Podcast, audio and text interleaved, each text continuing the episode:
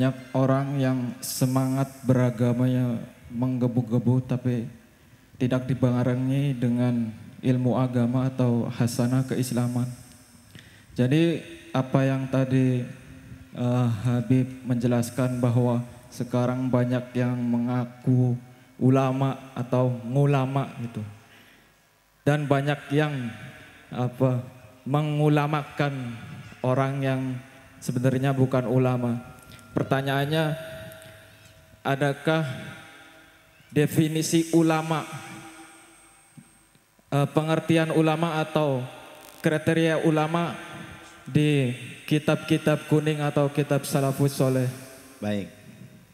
Bismillahirrahmanirrahim wallahu alam ada di dalam Al-Qur'an innama yakhsyallahu min innama min ibadihil ulama wallahu rasul alam bimuradi wa makna sesungguhnya orang yang paling takut kepada Allah adalah orang yang disebut sebagai ulama jamak dari lafaz alim orang-orang yang berilmu.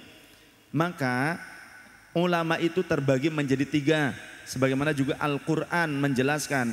Bismillahirrahmanirrahim thumma awrathna alkitaba alladhina astafaina ibadina faminhum zalimun li nafsih wa minhum muqtasid wa khairat biidznillah al ayah wallahu makna telah kami wariskan Al-Qur'an ini kepada sebagian hamba-hamba kami yang terpilih.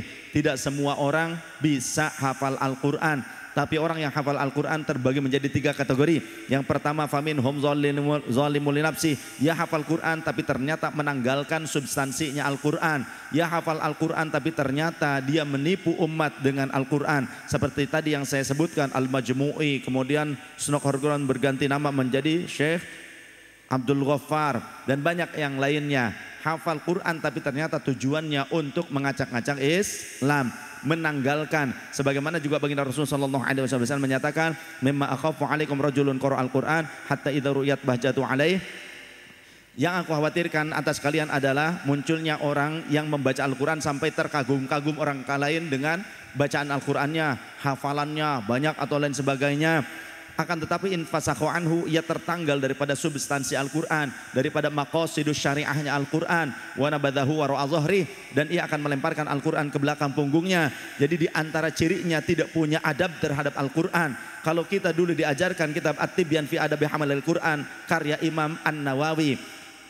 Ketika kita membawa Al-Qur'an, kita simpan di atas kepala, kadang juga disimpan di dada. Tapi sekarang banyak orang yang ternyata menyimpan Al-Quran di kaki sambil duduk simpan Quran di kaki bahkan ada di Karawang di sebuah perusahaan otomotif itu ketahuan sama jamaah saya di dalam toilet karyawan ada orang bawa Quran pocket, Quran kecil dimasukkan ke dalam saku celana. Berarti tadi pada saat dia kencing, Quran berada di samping kemaluannya. Itu posisi masih ada di toilet karyawan. Sudah banyak sekarang kejadian seperti itu. Katanya ini mah makhluk nggak apa-apa tidak dosa menurut mereka.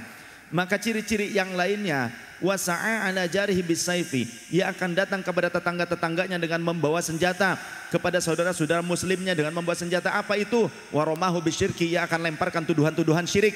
Cirinya walaupun hafal Quran tapi ternyata menuduh syirik. Mudah menuduh syirik. Cirinya walaupun membuat orang lain kagum dengan bacaannya dengan hafalannya. Tapi sering kali melemparkan tuduhan syirik. Faqalu maka para sahabat bertanya ya Rasulullah ayyuhuma aula bisyirki siapa yang lebih pantas disebut syirik? Al murma awir romi yang dituduh apa yang menuduh? Baginda Rasul menjawab ar romi yang menuduh syirik lebih pantas untuk menyandang gelar syirik. Inilah yang disebut faminhum zalimul linafsi yang kedua wamin hum muqtasid. Orang yang hafal Quran tapi ternyata separoh-separoh, separoh diamalkan, separohnya ditolak. Di antara yang ditolak pada bab-bab tertentu di antaranya bab wasilah dan juga berkah. Padahal ada di dalam Al-Qur'an di dalam surah Qaf ayat 9 wa nazzalna minas samaa'i ma'am mubarakan fa'ambatna bihi jannati wa habbal hasid wallahu wa rasuluhu a'lam bi wa makna dan telah kami turunkan dari langit ma'an mubarakan air yang mengandung keberkahan. Fa'ambatna bihi maka kami tumbuhkan bihi dengan wasilah air hujan tersebut. Jannatin perkebunan-perkebunan yang rindang wa habbal hasid dan juga biji-bijian yang dipanen. Ada gandum ada jagung ada kan jagung? Nanya aja, nanya. Kalau ada ya bawa. Ada padi, ada kacang-kacangan. Itu dengan wasilah air hujan padahal bagi Allah idza arada syai'an kun fayakun. Walaupun dihujani sekalipun kalau Allah menyatakan tidak tumbuh, tidak tumbuh, tetap di padang pasir itu sampai sekarang itu ada es kok, turun es tebal, ya ditabuk itu. Tapi ternyata tidak berarti subur seperti di kita. Ada sebagian daerah yang tidak kena hujan tapi tetap juga masih bisa panen. Musim-musim kemarau, ternyata di wilayah Karawang masih banyak yang bisa panen terus menerus walaupun tidak pada saat musim hujan. Itulah idza arada syai'an ayyakul lahu kun fayakun. Ya, kuasanya Allah. Jadi mereka tidak menganggap bihi tadi kalimat wasilah Sebagaimana juga kita kaum Nahdiyin selalu mengamalkan lafad bihi untuk bertawassul bihi yang domirnya kembali kepada baginda Nabi Muhammad SAW. Allahumma salli salatan kamilatan wa sallim salaman tamman ala sayyidina Muhammad الذي تنحل به الأقد وتنفرج به الكرب وتقضى به الحوائج وتنال به الرغائب وحسن الخواتم ويستسقي الغمام بوجهه الكريم وعلى آله وصحبه في كل لمحة ونفس بعدد كل معلوم لك ada lafad bihi alladzi tanhallu bihil uqadu wa tanfarju bihil kurabu yang terurai bihi dengan wasilah baginda Nabi sallallahu alaihi wasallam ikatan-ikatan kesulitan dalam kehidupan, kesedihan, permasalahan, galau, gak, galau hilang bihi dengan wasilah Nabi Muhammad. Ya. Wa ghamau biwajhihil karim. Awan-awan juga menjadi mencurahkan hujan dengan wasilah Nabi Muhammad dengan kemuliaan Nabi Muhammad SAW. Tuh. Katanya pengamal salawat nariyah syirik bahkan disebut syirik akbar dan pelakunya halal ditumpahkan darahnya dan diambil hartanya. Menurut mereka orang-orang Salafi Wahabi punya iktikad begitu. Saya punya buku-bukunya.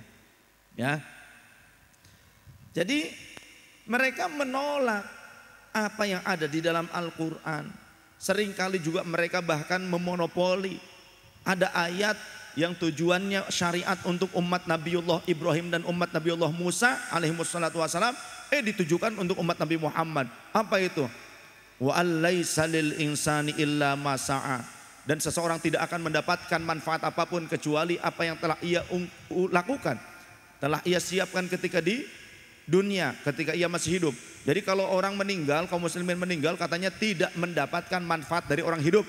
Dari tahlilnya, dari sodakohnya, dari umrohnya, hajiannya, dari doa, bacaan Quran katanya seperti itu. Padahal ayat ini diawali dengan huruf wawu. Wawu itu huruf atop, tergantung maktub alehnya. Artinya masih ada hubungan dengan ayat-ayat berikutnya. Mana ayat sebelumnya? Mohon maaf, ayat sebelumnya. Ayatnya dari ayat 36. Am lam yunabba bima fi suhafi Musa wa Ibrahim alladhi waffa alla taziru waziratu wizra ukhra. Wallahu rasul alam wa makna. Apakah kalian tidak membaca apa yang terdapat dalam suhubnya Nabiullah Musa alaihissalam dan Nabiullah Ibrahim alaihissalam yang senantiasa menepati janjinya. Apa maksudnya? Syariat untuk umat mereka. Apa syariat untuk umat mereka? Allah taziru waziratu wizra ukhra. Seseorang tidak menanggung beban dosa orang lain. Wa allaysa insani illa masa'a. Dan mereka juga tidak menerima manfaat dari orang lain. Kecuali apa yang telah mereka upayakan ketika masih hidup. Ini adalah syariat Nabiullah Musa dan Nabiullah Ibrahim untuk umatnya, bukan untuk Nabi Muhammad. Karena untuk umat Nabi Muhammad beda lagi. Di antaranya ada keterangan riwayat ada rajul ila Nabi sallallahu alaihi wasallam, datang seorang laki-laki kepada baginda Nabi sallallahu alaihi wasallam, faqala kemudian dia berkata, "Ya Rasulullah, inna ummi qad uftulitat nafsuha." Sesungguhnya ibuku telah wafat. Apa yang fauha enta sodaktu anha? Apakah bermanfaat jika aku bersedekah atas sama almarhumah ibuku? Faqala Nabi maka baginda Rasul menjawab, "Na'am, ya bermanfaat." fa inna li makhrafan aku punya sebidang kebun ya Rasulullah fa ushhidu anni qad tasaddaqtu anha maka aku mohon saksikan saat ini pula ya Rasul aku sedekahkan kebunku atas nama almarhumah ibuku. Haditsun sahihun hadisnya sahih. Jadi sedekah atas nama yang mayat muslim yang telah wafat yaitu bermanfaat. Haditsun sahihun. Tuh nah itu di antara yang ditolak. Separuh diamalkan separuh ditolak. Kemudian mana lagi? Kategori yang ketiga, wa minhum sabiqum bil khairati biidznillah orang yang hafal Quran dan juga mengamalkan Quran. Insya Allah seperti santri-santrinya Romo Yai, beliau punya pesantren tahfidz, istri beliau yang mengajar. Maka anak-anak santrinya tetap tidak mudah menyalah-nyalahkan. Walaupun hafal Quran juga diajarkan ngaji kitab. Makanya jangan cuma hafalan Quran, tapi juga harus dipelajari ilmunya. Ilmu nahwu sorof badai bayan ma'ani mantek balaghah arud kemudian ilmu fikih usul fikihnya itu juga harus dipelajari. Kalau tidak nanti bisa salah kaprah. Maka lebih baik kita kalau mau nitipin anak-anak kita di pesantren tahfidz cari pesantren tahfidz yang berlandaskan akidah ahlus sunnah wal jamaah ala manhajin nahdlatul ulama. Pesantren tahfidz NU nu urang Sallallahu ala Nabi. Kemudian mana juga kategori ulama yang memang betul, yang memang benar-benar bisa dijadikan rujukan. Rasul pernah ditanya oleh sahabat, ya Rasulullah, ayo julasaina khairun, siapa teman duduk kami yang terbaik? Maka baginda Rasul berkata, alladzina, yaitu orang, jika yang dilihat ya, ketika engkau melihat mereka, maka akan bertambah keimananmu mengingatkanmu man dzakkarakumullah ru'yatuh. Bahasa Rasulnya begitu. Keterangan hadisnya ada di dalam kitab At-Targhib wa Tarhib karya Imam Al-Mundhiri juz keempat ada empat jilid. Eh juz ke pertama ada empat jilid. Man dzakkarakumullah ru'yatuh. Orang yang akan mengingatkanmu kepada Allah jika engkau melihatnya. Ya Wazada fi ilmikum mantikuhu. Yang mampu menambahkan ilmu kebaikan, ilmu yang bermanfaat bagimu. Setiap ucapan yang terlontar dari lisannya. Wadzakkarakumul akhirata amaluhu yang perbuatannya selalu mengingatkan kalian kepada akhirat itulah orang yang dianggap sebagai ulama akhirat ulama akhir akhirat, ulama ussalihin. Kita baru bertatap wajah saja, kita ingat dengan aturan Allah, ingat kepada Allah. Ucapannya menambah ilmu yang bermanfaat bagi kita, perilakunya mengingatkan kita pada akhirat. Karena apa? Perilakunya so, soleh. Jadi kategori ulama yang bisa kita ikuti, yang keilmuannya mumpuni manfaat ilmunya bisa menjadi penolong untuk kita menambah keimanan kita. Kalau kita duduk bersama mereka ya berkumpul bersama mereka kita nambah iman. Kemudian perbuatan mereka soleh bisa menjadi warothah bisa menjadi pewaris Rasulullah.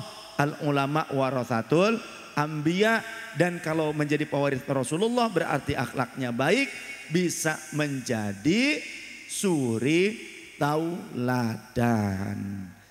Ya. Jangan sampai seperti dalam pepatah murid kencing berdiri, guru kencing berlari. Tapi pepatah milenial beda lagi. Murid kencing berdiri, gurunya lari nggak tanggung jawab. Nah, itu pepatah milenial.